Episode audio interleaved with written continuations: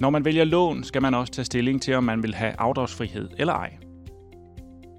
Da renten typisk er lavere på realkreditlån end på traditionelle banklån, kan det give god mening at vælge afdragsfrihed på sit realkreditlån, og så bruge pengene på at afdrage hurtigere på anden og dyrere gæld.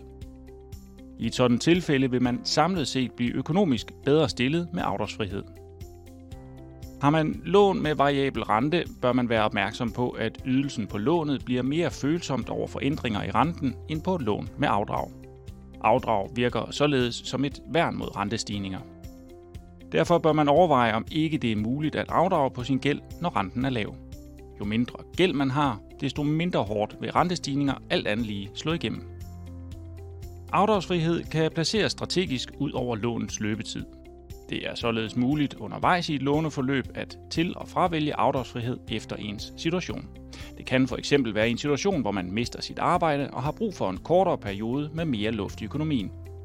Fleksibiliteten med afdragsfrihed gør, at lån med afdragsfrihed typisk er lidt dyrere end et lån med afdrag.